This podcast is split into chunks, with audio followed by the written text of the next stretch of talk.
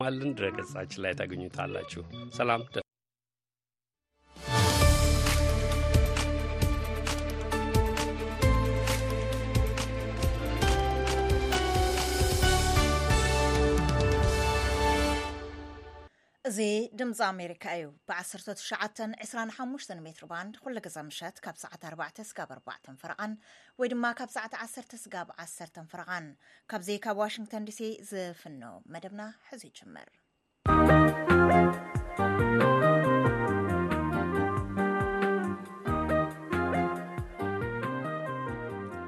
ናሃበለይ ከመይ ተምስዮ ሎም ሶኒ 18 ለካቲት 216 ወይ ድማ 26 ለካቲት 224 እዩ ሰራፍሳ ይብምልላይ ምስናይ ሎሚ መደባት ምሳኹም ከምስኤ ኣብ ናይ ሎሚ ሶኒ ፈነወና ኣብ ክልል ኣምሓራ ብሰራዊት ምክልኻል ፌዴራል ዝፍጸም ቅትለት ኣመልኪቱ ዓለም ለኸ ተሓላቒ ሰብኣዊ መሰላት ዘውፅኦ ጸብጻብ ኣምረቲ ቡና ኢትዮጵያ ሕብረት ኣውሮጳ ንዘውፅኦ መምርሒ ንምምላእ ይፅዕሩ ኣለዉ ዝብሉ ጸብጻባትን ስርዓት መደባትና ስፖርትን ከምኡውን መደብ ሕርሻ ናባኹም እነብሎም እዮም ክኾኑ ስጋብ መወዳእታ መደብና ምሳና ክፀንሑ ኢና ንዕድመኩም ዜና ከነቐድም ተወልደ ወልደ ገብርኤል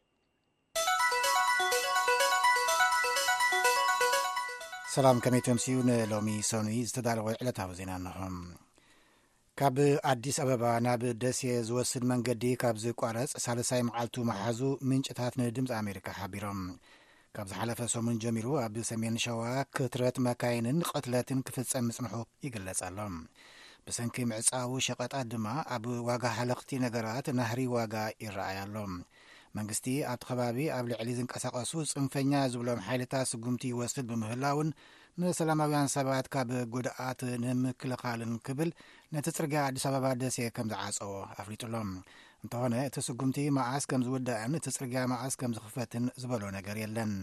መንግስቲ ኢትዮጵያ ንዝፍጠሩ ዘለዉ ጸገማት ጸጥታ ንኦነግ ሸኔን ዕጡቓት ፋኖን ክኽስስ ምጽንሑ ይፍለጥ። ነበርቲ ግን መፍትሒኡ ዕርቅን ምይይጥን ጥራይ እዩ ይብሉ ከም ጸብጻብ መስፍን ኣራጌ ካብ ኣዲስ ኣበባ ፖሊስ ኢትዮጵያ ንሓደ ፈረንሳዊ ጋዜጠኛ ብምፍጣር ህውከት ጠርጢሮም ኣሲሮሞ ኣንቶኒ ጋሊዶ ዝሓለፈ ሓሙስ ዝተኣሰረ ኣብ ኣዲስ ኣበባ ኣብ ስራሕ ተመዲቡ ከሎ እዩ ኢሉ ኣፍሪካን ኢንቴሊጀንስ ኣብ ዘውፅኦ መግለፂ እቲ ጋዜጠኛ ዝሓለፈ ቀዳም ቤት ፍርዲ ቀሪቡ ምንባሩን ማእሰርቱ ክሳብ መጋቢት ሓደ ክጸንሕ ዳኛ ከም ዝፈረደን ኣስራሒኡ ሓቢሩ'ሎ። ጠበቕኡ እውን ኣብቲ ቃለ ምስክርነት ምንባሩ ዝጠቐሰ ኣፍሪካን ኢንተሊጀንስ ነቲ ዘይምኽኑይ ዝበሎ ማእሰርቲ ብምኹናን ቀልጢፉ ክፍታሕ ጸዊዑ ኣሎ። ወሃብቲ ቃል መንግስቲ ኮነ ፖሊስ ርእይቶ ክህቡ ተሓቲቶም ምላሽ ኣይሃቡን። ተሓለቕቲ ሰብኣዊ መሰላት ብተደጋጋሚ ንኢትዮጵያ ክኸሱ ጸኒሖም ኣለዉ። ናጽነት ፕረስ ብምድራት፣ ብፍላይ ድማ ንግጭታትን ጸጥታዊ ቅልውላውን ሽፋን ክህቡ ከለዉ ነዚ ድሕረዋይ ማእሰርቲ ጋዜጠኛ ዝኾነ ኮሚተ ተሓላቂ ጋዜጠኛታት ሲፒጀ ብወገኑ ኢትዮጵያ ካብ ዝሓለፈ ነሓሰ ጀሚራ ብውሕዱ ሸሞንተ ጋዜጠኛታት ምእሳራ ኣፍሊጡ ኣሎ ኣብ ቀረባ ዓመታት ናይ ወፃኢ ጋዜጠኛታት ኣብ ኢትዮጵያ ከይሰርሑ ፍቓድ ክኽልከሉ እውን ጸኒሖም እዮም እዚ ድምፂ ኣሜሪካ እዩ። ኣብ ማእከላይ ክልል ኢትዮጵያ ዞባ ስልጤ ልዕሊ 2,500 ሰራሕተኛታት ደሞዝ ስለ ዘይተኸፍሎም ከም ዝተጸገሙ ይገልጹ ኣለዉ። ምምሕዳር እቲ ዞባ እውን ብሰንኪ ሕፅረት ባጀት ደሞዝ ክኸፍል ከም ዘይከኣለ ኣፍሊጡ ኣሎ እቶም ሰራሕተኛታት ደሞዝ ከይተኸፍሉ 48 መዓልታት ከም ዝሓለፎምን ደሞዝ ዝኽፈል ብተርታ ምዃኑ ከም ዝተነግሮምን ገሊጾም ኣለዉ። ሰበ ስልጣን እቲ ከባቢ ምስ ምእካብ ግብርን ኣታውን ብዝተሓሓዝ ምድንጓይ ክፍሊት ደሞዝ የጋጥሞም ከም ዘሎ ጠቒሶም ኣለዉ። ኣብ ዞባታት ሃዲያን ካምባታን ምስ ክፍሊት ደሞዝ ብዝተሓሓዝ ትካላት ሕክምናን ትምህርትን ተዓናቒፉ ምንባሩ ምጽብጻብና ይዝከር። ጸብጻብ ዮናታን ዘብዴዎስ እዩ ካብ ኣዋሳ። ሸዱሻይ ክፋል ጉባኤ ክሊማ ሕቡራት ሃገራት ኣብዚ ሰሙን እዚ ኣብ ናይሮቢ ኬንያ ይካየድ ኣሎ ቀንዲ ዛዕባ እቲ ዋዕላ ድማ ምጉዳል ብዙሕነት ተፈጥሮን ብከላን ዝምልከት ክሊማዊ ለውጢ እውን ምክልኻል ዝብል እዩ ሓላፊት ክሊማ ሕቡራት ሃገራት ኤንገር ኣንደርሰን ንኣሶሴትድ ፕረስ ክትገልጽ ከላ እንነብረሉ ከባቢ ብዘየገድስ ኣብ ሓደ ቦታ ምዝባዕ ተፈጥሮ እንተ ኣጋጢሙ ንወዲ ሰብ ዓለማዊ ክሳራ እዩ ኢላ። ኣብቲ ሎሚ ጀሚሩ ክሳብ ዓርቢ ዝጸንሕ ጉባኤ ክሊማ፣ መራሕቲ ዓለም ዝርከብዎም ልዕሊ ሓሙሽተ ሽሕ ወክልቲ መንግስቲ፣ ሲቪካዊ ማሕበረሰብን ናይ ብሕቲ ዘፈርን ክርከቡ'ዮም። ኣልጀርያ ትማሊ ኣብ ገምገም ባሕሪ ንነዊሕ ግዜ ክትሃንጾ ዝጸንሐት ዓብዪ መስጊድ ኣመሪቓ። ካብ ክልተ ሽሕን ዓሰርተን ጀሚሩ ብትካል ህንጻ ቻይና ክስራሕ ዝጸንሐ መስጊድ ካብ ዓለም ዝነውሐ ጫፍ ዘለዎ እዩ። 265 ሜትሮ ንውሓት ካብ መሳጊድ ዓለም ሳልሳይ ዝዓበየን ካብ ቅዱሳን ከተማታት ወፃኢ ዝዓበየ ምዃኑን ን120 ሽሕ ሰባት ጸለይቲ ከተኣናግዝ ዝኽእል ክፍልታት ከም ዘለዎን እቲ ዜና ይሕብር። ዓብዪ መስጊድ ኣልጀርስ ዝብል መጸውዒ ዘለዎ ርሒብ መስጊድ ኣልጀርያ ትማሊ ሰንበት ብፕሬዚደንት እታ ሃገር ዓብደልመጂድ ጣቦን ዝተመረቐ ኮይኑ ኣብ ዝባኑ ሄሊኮፕተር ከይተረፈ ክዕልብ ዝኽእል እዩ ኣብታ ሃገር ድሕሪ እቲ ኣብ 1990 ዝተኻየደ እስላማዊ ናዕቢ ሓደ ማእከላይ ኣረኣእያ ዝሕዝ መስጊድ ክስራሕ ካብ ነዊሕ እዋን ጀሚሩ ኣብ መደብ ዝጸንሐ ምዃኑ እውን ተሓቢሩ ኣሎ ኣማኢት ትራክተራት ሓረስቶት ሎሚ ብራስልስ በልጅም ኣትየን ኣለዋ ካልኦት ድማ ኣብ መገዲ ኣለዋ ንተቃውሞም ሚኒስትራት ሕርሻ ሕብረት ኤውሮጳ ንሕቶታት እቶም ሓረስቶት ንምምላስ ተኣኪቦምሉ ኣብ ዘለዉ እዋን ሓረስቶት ተቃወምቲ ሰልፈኛታት ኣብ ርሳ ከተማ ቤልጅም ጎማታት ኣቃጺሎም ኣለዉ። ተቃውሞኦም ኣንጻር ውድድር ሕሱር ዕድጊ መግብን ልዕሊ ዓቐን ክሊማዊ ሕግን ኣንጻር ንዓበይቲ ትካላት ሕርሻ ዝግበር ድጎማን እዩ።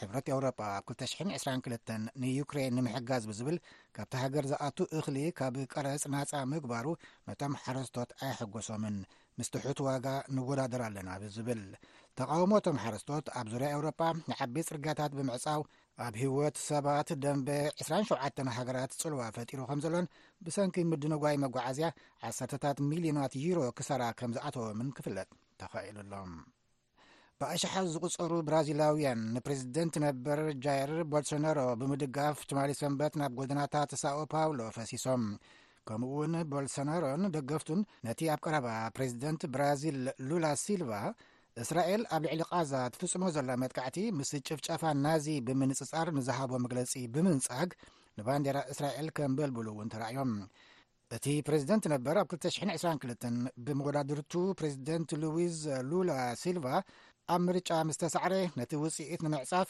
ወተሃደራዊ ሰበስልጣን ኣብ ፈተነ ዕልዋ መንግስቲ ክፅምበሩ ብዝፈጠሮ ጸቕጥን ንላዕለዋይ ዳኛ ቤት ፍርዲ ንኸኣስር ብዝፈሓሶ ውዲትን ከም ዝተኸሰሰ እዩ ዝግለጽ። ዕልዋ መንግስቲ ክካየድ ዝጽውዑ ደገፍቲ ቦልሶናሮ ሓድሽ ተመራጻይ ፕሬዚደንት ሉላ ስልጣን ድሕሪ መሓዙ ሓደ ሰሙን ንቤተ መንግስቲ ብራዚልን ላዕለዋይ ቤት ፍርድን ኮንግረስን ብምውራር ዘሪፎም እዮም ቦልሶነሮ ስልጣን ብዘይ ኣገባብ ተጠቒሙ ብዝብል ዝቐረበሉ ክልተ ክሲ ክሳብ 230 ንስልጣን ንኸይወዳደር ተፈሪድዎ ኣሎ ኣብ መወዳእታ መንግስቲ ደቡብ ኮርያ ኣብ ኣድማ ዝርከቡ ሓደሽቲ ዶክተራት እታ ሃገር ኣብ ውሽጢ ኣርባዕተ መዓልታት ናብ ስርሖም ክምለሱ እንተዘይኮነ ግን ስርሖምን ፍቓዶምን ከም ዝሕደጉ ኣጠንቂቑ ኣስታት 9,000 ዝኾኑ ሓደሽቲ ሓካይም ካብ ዝሓለፈ ሰሙን ጀሚሮም ናይ ስራሕ ደው ምባል ኣድማ ዝገበሩ ናብ ቤት ትምህርቲ ሕክምና ዝኣትዉ ተምሃሮ ቁፅሮም ብክልተ ሲሶ ክውስኽ መንግስቲ ንዝገበሮ ውሳነ ንምቅዋም እዩ። መንግስቲ ንጠለብ ሕክምና ደቡብ ኮርያ ንምምላእ ተወሳኺ ዶክተራት የድልዩና ክብል ከሎ እቶም ኣድመኛታት ተለማመድን ጀመርትን ዶክተራት ግን ዩኒቨርሲቲታት ብዙሓት ሓደሽ ተምሃሮ ምቕባለን ክስከምኦ ዝኽእላ ኣይኮነን ይብሉ ኣስታት 13,000 ተለማመድትን ተሓጋጋግዝትን ሓካይም ኣለዉ ኣብ ደቡብ ኮርያ ኣብ ሚእቲ ሆስፒታላት ዝሰርሑን ዝስልጥኑን ሕጂ ናብ ስራሖም እንተዘይተመሊሶም መንግስቲ ከም ዘባረሮም ኣጠንቂቑ ኣሎ ዜና በዚ ፍጸም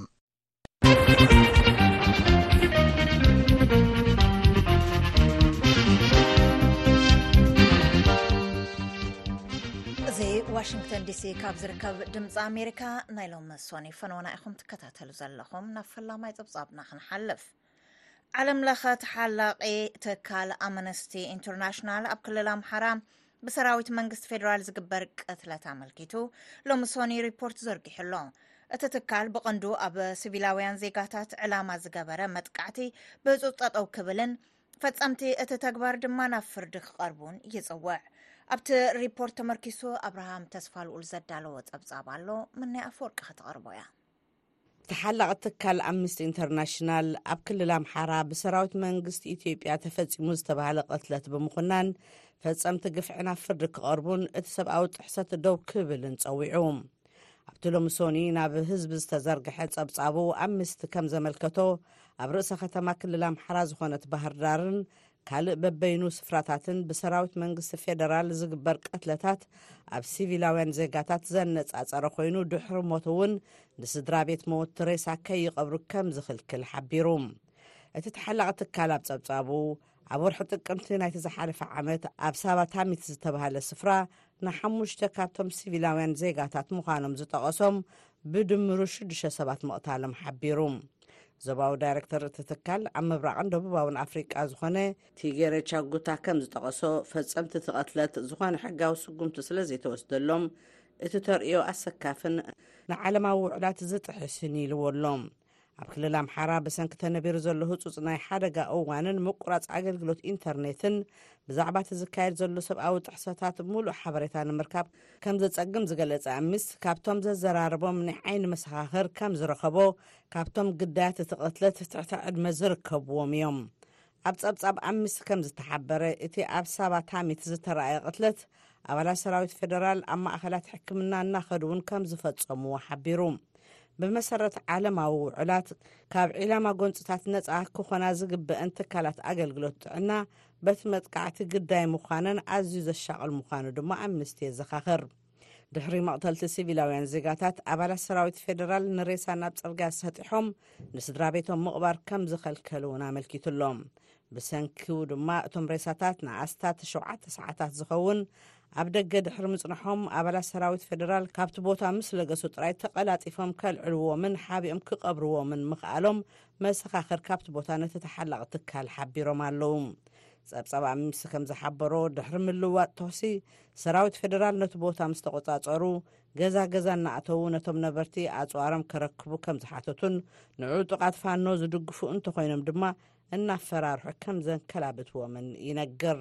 መሰኻኽር ካብቲ ቅትለት ዝተፈጸመሉ ቦታ ብምውካስ ጸብጻቡ ዘዳለወ ኣምነስቲ ኢንተርናሽናል ቅዳሕ ርኽበቱ ንሚኒስትሪ ፍትሕን ሚኒስትር ወጻኢ ጉዳያት ኢትዮጵያን ከም ዝሃቦም ይጠቅስ። እዚ ኣብ መፋርቕ ወርሒ ለካቲት ናብቶም ዝምልከቶም ኣካላት ዝተረከበ ጸብጻብ ዛጊድ ካብቶም ሚኒስትሪታት ግብረ መልሲ ከም ዘረኸበ ትካል ኣምነስቲ ኢንተርናሽናል ሓቢሩ ኣሎ።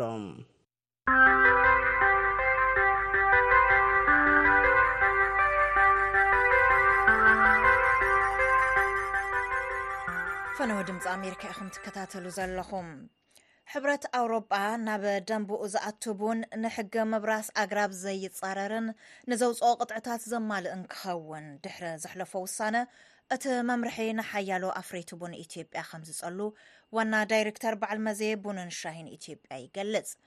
ንዕኡ ንምልማዕ ድማ ናይ 2.2 ቢልዮን ብር ትልሚ ተታሒዙ ከም ዘሎ እቲ በዓል መዚ ኣመልኪቱ ገብረ ሚካኤል ገብረ መድህን ተወሳኺ ኣለዎ እቲ ሕብረት ኣውሮፓ ዕላዊ ዝገበሮ ሕጊ፣ ንቡን ሓዊሱ ናብ ዕዳግኡ ዝኣትዉ ሸውዓተ ፍርያት ሕርሻ ካብ ብርሰት ኣግራብ ነጻ ክኾኑ ዘገድድ እዩ። እቲ ሕጊ ካብዚ ሒዝናዮ ዘለና ዓመት ኤውሮፓውያን ክልተ ሽሕን ዕስራን ኣርባዕተን መወዳእታ ጀሚሩ ዝትግበር እንትኾን፣ ሃገራት ቅድሚ ፍርያተን ምስዳደን እቲ ፍርያት ሕርሻ ካብ ብርሰት ኣግራብ ነጻ ኮይኑ ከምዝፈረየ ዘርኢ ሰነድ ከቕርባ ይጠልብ። ካብ ኣፍረይቲ ቡን ሃገራት ዓለም ሓንቲ ዝኾነት ኢትዮጵያ፣ ነዚ ሕጊ እንተዘየኽቢራ ምስቲ ሕብረት ዝግበር ንግዲ ቡን ፀገም ከምዝገጥሞ ኣካያዲ ስራሕ ዩኒየን ቡን ሲዳማ ኣቶ ፀጋዬ ኣኔቦ ይዛረቡ። በኣዋጁ ላይም በግልፂ እንደተቀመጠ ያንን ካላሟላህ ያንተ ምርት። ኣብቲ ኣዋጅ ብግልፂ ከምዝረኣ ነቲ ዝተቐመጠ መዐቀኒ እንተዘየማሊእኻ ፍርያትካ ናብ ዕዳጋ ሕብረት ኣውሮፓ ኣይኣቱን። ናታቶም ነጋዶ ቡን እውን ካባና ኣይዕድጉን። ንሳቶም ናትና ቡን እንተዘይዓዲጎም ኢትዮጵያ ነቲ ዓብዪ ዕዳጋኣ ትስእነላ ማለት እዩ። ምስኣን ዕዳጋ ሕብረት ኣውሮፓ ንህይወት ልዕሊ ሓሙሽተ ሚልዮን ሓረስቶት ንሓደጋ ከምዘቃልዕ ድማ ፕረዚደንት ሃገራዊ ማሕበር ቡን ኢትዮጵያ ዶክተር ሑሴን ኣምቦ ይገልፁ። በዩሮፕ በኩል የሚመጣው ማንኛውም ለውጥ ብወገን ኣውሮፓ ዝመጽእ ዝኾነ ዓይነት ለውጢ ኣብ ኢኮኖሚ ኢትዮጵያን ኣብ ህይወት ሓረስቶት ቡንን ቀጥታዊ ዝኾነ ጽልዋ እዩ ዘሕድር። እዞም ናይ ኣውሮፓ ዓደግቲ ቡን ካብ ዕዳጋ ኒውዮርክ ወጻኢ ፍሉይ ጣዕሚ ንዘለዎ ቡን ኢትዮጵያ ብዝሓሸ ዋጋ እዮም ዝዕድጉ። ነዚኦም ምስኣን ማለት ኣብ ህይወት እቲ ሓረስታይ ድኽነት እዩ ዘስዕብ። ኣብ ንግዲ ወጻኢ ቡን ኢትዮጵያ ዕዳጋ ሕብረት ኣውሮፓ ሰላሳን ሓሙሽተን ሚኢታዊ ከምዝሕዝ ዝገለጹ ዋና ዳይረክተር በዓል መዚ ቡንን ሻህን ኢትዮጵያ ዶክተር ኣዱኛ ደበላ ብወገኖም፣ ካብቲ ዕዳጋ ኣብ ዓመት ካብ ኣርባዕተ ሚእቲ ክሳብ ሓሙሽተ ሚእቲ ሚልዮን ዶላር ከምዝርከብ ሓቢሮም። ብሰንኪ እቲ ዝወጸ ሕጊ ንዕዳጋ ሕብረት ኣውሮፓ ምስኣን ናብ ዓብዪ ጸገም እዩ ዘእትወና ዝበሉ እቶም ዋና ዳይረክተር፣ ነቲ ሕጊ ኣኽቢርካ ካብ ምስራሕ ወጻኢ ካልእ ኣማራጺ የለን ብምባል ይገልጹ። ነዚ ድማ ሃገራዊ ትልሚ ከም ዝተዳለወ እዮም ዝዛረቡ። በሶስት ዓመት ግዜ ውስጥ የሚያልቅ ሃገራዊ የስራ መዘርዘር መርሃ ገበር ኣዘጋጅተናል። ኣብ ውሽጢ ሰለስተ ዓመት ዝትግበር ናይ ስራሕ ትልሚ ኣዳሊና። ብዙሓት ምድላዋት ገይርና ኢና። ምስ ሕብረት ኣውሮፓ እውን እናዘተና ኢና። ንኣሰራርሓና ምስቲ ሕጊ ንምስናይ ንጽዕር ኣለና። እቲ ሕብረት ዘውጽኦ ሕጊ ብኣቆጻጽራ ኣውሮጳውያን ካብ ክልተ ሽሕን ዒስራን ነዘ፣ ዝበረሱ ኣግራብ እንተልዮምን ብኡ ኣቢሉ ዝፈረየ ቡንን እንተሃልዩን ኣይንቕበልን እዩ ዝብል። ቡን ኣብ ኣርባዕተ ዓመት እዩ ዝበጽሕ ስለ ዝበሃል እቲ ሕጊ ዝትግበር ኣብ መወዳእታ ክልተ ሽሕን ዒስራን ኣርባዕተን እዩ። ንሕና ድማ ኣብቲ ዘዳለናዮ ትልሚ ነዚ ሕጊ ንምትግባር ቅድሚ ክልተ ሽሕን ዒስራን ድሕሪኡን ንዘሎ ሽፋን ኣግራብ እናነጻጸርና ምስራሕ ኢና ተዳሊና ዘለና። ቀዳማይ ስራሕና ዝኾነ ናይ ሳትላይት ምስልታት ምውሳድ ነቲ ቅድሚ ክልተ ሽሕን ዒስራን ዝነበረ ሽፋን ኣግራብ ምስቲ ብድሕሪኡ ዘሎ ምንጽጻር እዩ ዝኸውን። ኢትዮጵያ ንናይ ቡን ንግዳ ምስቲ ሕጊ ንምስናይ ዋላኳ ብክልተ ነጥቢ ክልተ ቢልየን ብር ኣብ ሰለስተ ዓመት ዝትግበር ትልሚ እንተውጸአት እቲ ስራሕ ግን ቀሊል ከምዘይኮነ እዮም ዶክተር ኣዱኛ ዝገለጹ። ሓረስቶት ቡን ኢትዮጵያ ኣግራብ ከምዘየብርሱን እኳድኣስ ተኽሊ ቡን ሽፋን ኣግራብ ከምዝደልን ዝገለጹ ፕረዚደንት ሃገራዊ ማሕበር ቡን ኢትዮጵያ ዶክተር ሑሴን ኣምቦ፣ ሕብረት ኣውሮፓ ነቲ ሕጊ እንተውጽእ ነዚ ሓቂ ኣብ ግምት ኣየእተወን ይብሉ። የኢትዮጵያ ገበሬ ቡናን ከደኒ ለይቶ ኣያይም። ሓረስታይ ቡን ኢትዮጵያ ንተኽሊ ቡን ካብ ኣግራብ ፈልዮ ኣይርእዮን። ምኽንያቱ ድማ ቡን ባዕሉ ዝተረኸበ ኣብ ውሽጢ ኣግራብ እዩ። ቡን ካብ ኣግራብ ተፈልዩ ክነብር ኣይኽእልን። ስለዚ ሕብረት ኣውሮፓ ነቲ ሕጊ እንተውጽእ ነዚ ኣብ ግምት ከእቱ ይግባእ ነይሩ። ኣብ ኢትዮጵያ ልዕሊ ተስዓ ሚኢታዊ ዝኾን ፍርያት ቡን ምስ ኣግራብ ዝሳነ ምዃኑ ዝዛረቡ ዶክተር ኣዱኛ ብወገኖም፣ ነዚ ሓቂ ንሕብረት ኣውሮፓ ንምርዳእ ግን ባዕሉ ዝኸኣለ ኣሰራርሓ ከምዘለዎን ንመረዳእታ ዝሕግዝ ሰነድ እውን ምድላው ከምዘድልን ገሊፆም። ንድምጺ ኣሜሪካ ገብረሚካኤል ገብረመድህን ኣዲስ ኣበባ።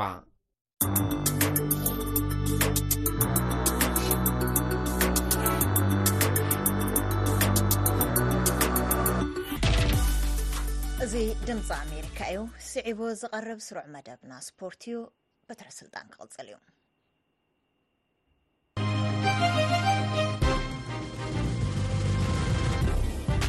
ከመይ ቀኒኹም ከመይ የምሲኹም ስፖርታዊ ዜና ሒዝናልኩም ቀሪብና ኣለና ንሎሚ ብብሽክለታ ኢና ክንጅምሮ ቱር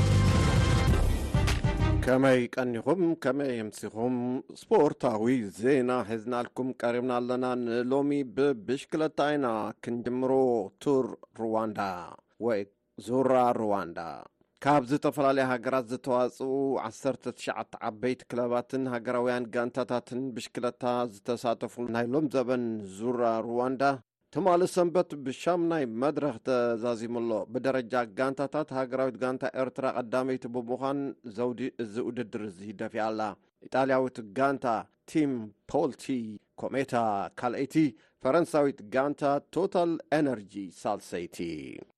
ኣብ ሓፈሻዊ ስርርዕ ውልቀ ተወዳደርቲ ማለት እዩ ጀነራል ክላሲፊኬሽን ንእንግሊዛዊት ጋንታ ብላክሙር ዝስለፍ ፒተር ጆሴፍ ቀዳማይ ኮይኑ ኣሎ። ካዛክስታናዊ ኤልከን ዶስቴቭ ካልኣይ፣ ንጋንታ ፒቲኬይ ዝስለፍ ኮሎምቢያዊ ጆናተን ሬስትሬፖ ቫለንሳ ሳልሳይ፣ ብደረጃ መናእሰይ ጋለብቲ ብሽክለታ ንጋንታ ኤርትራ ዝተሰለፈ ኣክሊሉ ኣረፋይነ ቀዳማይ፣ ንጋንታ ኣልዲዲ ዝስለፍ ቤልጅየማዊ ካሜይል ኤማን ካልኣይ፣ ንጋንታ ስጳኝ ዝኾነት ዩኤዚ ዝስለፍ ፓውሎ ቶረስ ኣርያስ ሳልሳይ ኮይኖም ኣለዉ። ንጋንታ ባይክ ኤይድ ዝስለፍ ኤርትራዊ ዳዊት የማነ ዓስራይ ወፂኦ ኣሎ። ኣብ ሓፈሻዊ ስርርዕ ምሩፅ ኣፍሪቃዊ ተቐዳዳማይ ብሽክለታ ቱር ዲ ሩዋንዳ ግና ባዕሉ ዳዊት ኮይኑ ኣሎ።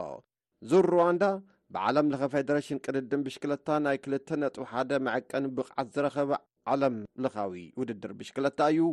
እዚ ውድድር ደረጅኡ ዓብዪን ንሓያሎ ክለባት ዓለም ከሳትፍ ካብ ዝጀመረሉ ክልተ ሽሕን ዓሰርተ ትሽዓተን ኣትሒዙ ኤርትራውያን ተቐዳደምቲ እዮም ክዕብልልዎ ጸኒሖም። ኣብ ክልተ ሽሕን ዓሰርተ ትሽዓተን መርሃዊ ቅዱስ፣ ኣብ ክልተ ሽሕን ዕስራን ከምኡ እውን ኣብ ክልተ ሽሕን ዕስራን ክልተን ናትናኤል ተስፋጽዮን፣ ኣብ ክልተ ሽሕን ዕስራን ሰለስተን ዓሚ ምዃኑ እዩ ሄኖክ ሙሉብርሃን ከም ዝተዓወቱ ይዝከር።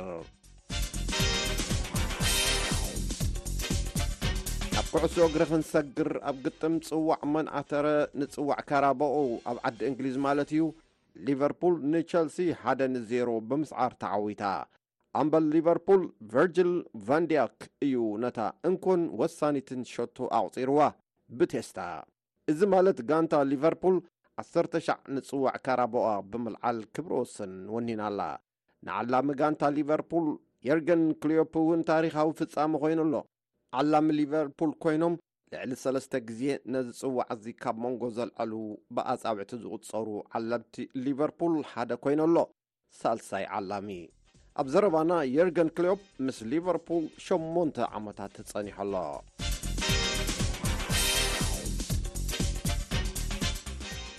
ንሕግታት ፋይናንስ ጥሒስኪ ተባሂላ ዓሰርተ ነጥብታት ተቐጺዓ ዝነበረት ጋንታ ኤቨርትን ድሕሪ ይግባይ ምባላ እቲ በዝሒ መቕጻዕቲ ካብ ዓሰርተ ናብ ሽዱሽተ ተነኪዮ ኣሎ። ጋንታ ኤቨርተን ኣብ ናይ ዓሚ ናይ ውድድር ዘበን ንዝተነጸረ ሕጊ መኽሰብን ቀጻልነትን ፕሪምየር ሊግ ስለ ዝጠሓሰት ተባሂሉ እዩ ብፍሉይ መርማሪ ኮሚሽን ድሕሪ ምርግጋጹ እቲ መቕጻዕቲ ዝተበየና። ነቲ መቕጻዕትን ይግባይን ደጊሙ ዝመርመረ ፍሉይ ኣካል ግና ነቲ መቕጻዕቲ ብኣርባዕተ ነጥብታት ነክዩ ንኤቨርተን ኣብ መበል ዓሰርተ ሓሙሽተ ዝሰርዐ ምንካይ መቕጻዕቲ በይኑ ኣሎ።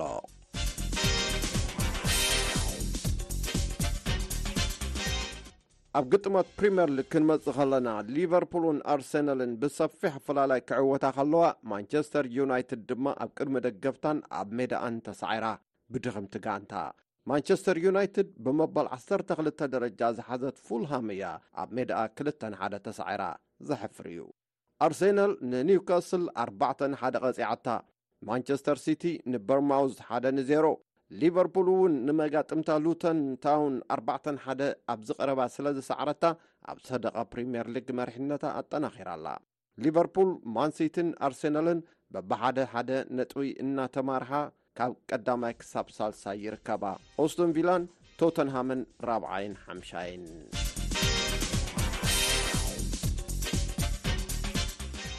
ኣትሌቲክስ ኣብ ሃገረ ፖርቹጋል ከተማ ኣልቡፈይራ ትማሊ ኣብ ዝወዓለ ዕድድም ሃገር ኣቋራጭ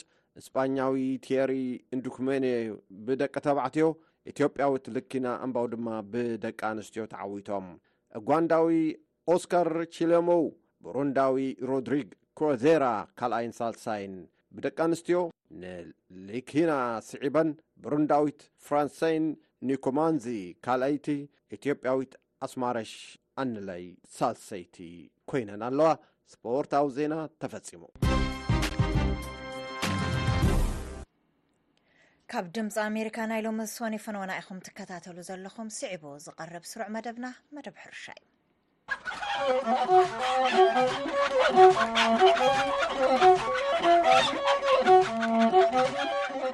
ኣብ ልምዓት ፀባን ውፅኢቱን ዘተኮረ ሃገራዊ ዋዕላ ብ 21 ዕስራን ክልተን ለካቲት ኣብ ኣስመራ ሆቴል ኣስመራ ፓላስ ተቓኒዑ ኣብዚ ንኤርትራ ሓዊሱ ካብ ሸውዓተ ሃገራት ዝተዋጽኡ ክኢላታት ዝተረኽብሉ ዋዕላ ተመክሮ ከም ኤርትራ ዝኣምሰላ ንኣሽቶ ኣፍረይቲ ሃገራት ብዛዕባ ክስዕብኦ ዝግባእ መገዲ ኣዘትዩ ኣብቲ ኣጋጣሚ ብዛዕባ ኣፍራይነት እቲ ጽላት ኣብ ኤርትራ ኣመልኪቶም መጽናዕታዊ ጽሑፍ ዘቕረቡ ኣቶ ተስፋይ ጸጋ እዮም ነይሮም።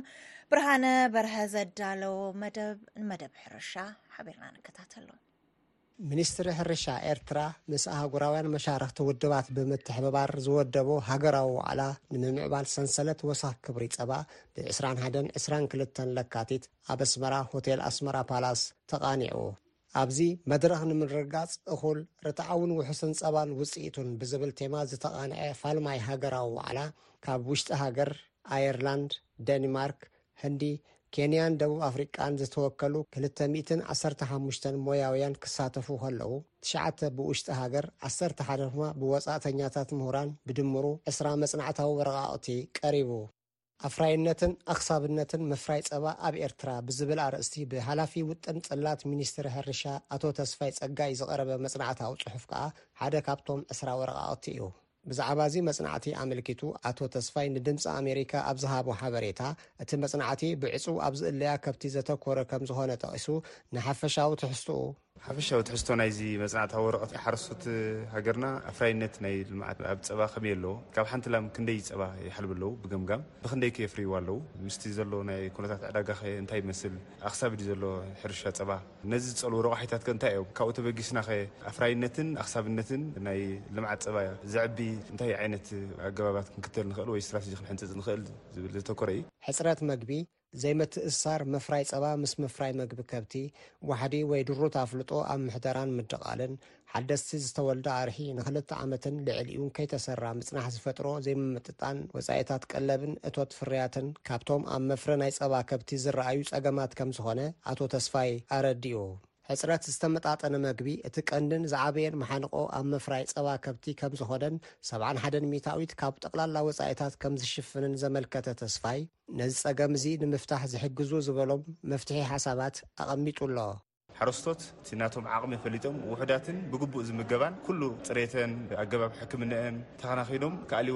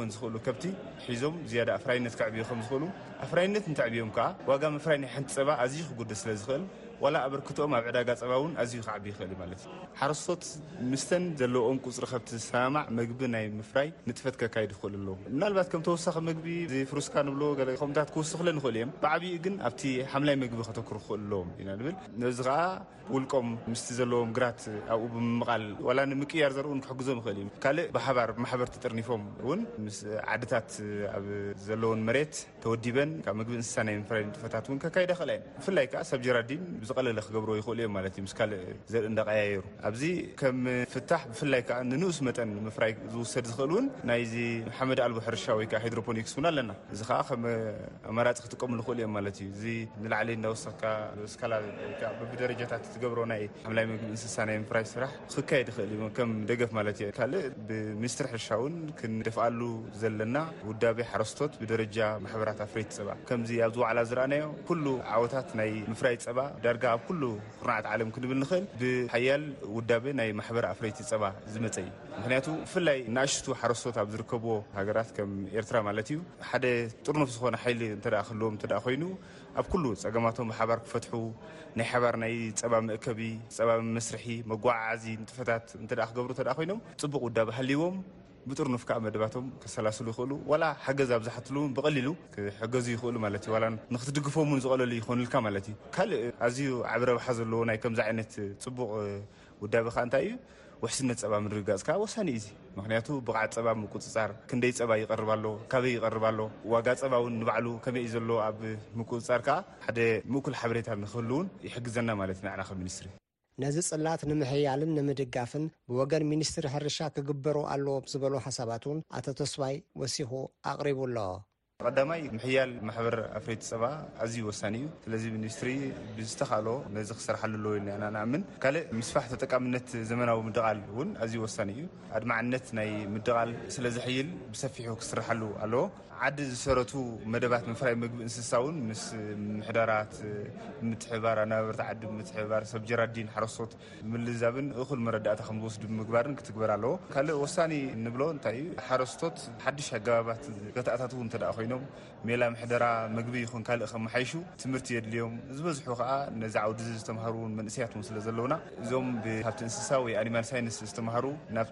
እቲ ጽላት ናይ ምፍራይ ጸባ ንክኣትዉ ምትብባዕ። ካልእ ኣብ ምፍራይ ሕሱር ዝኾነ ዝተመጣጠነ ምግብ እንስሳ መጽናዕቲ ምክያድ።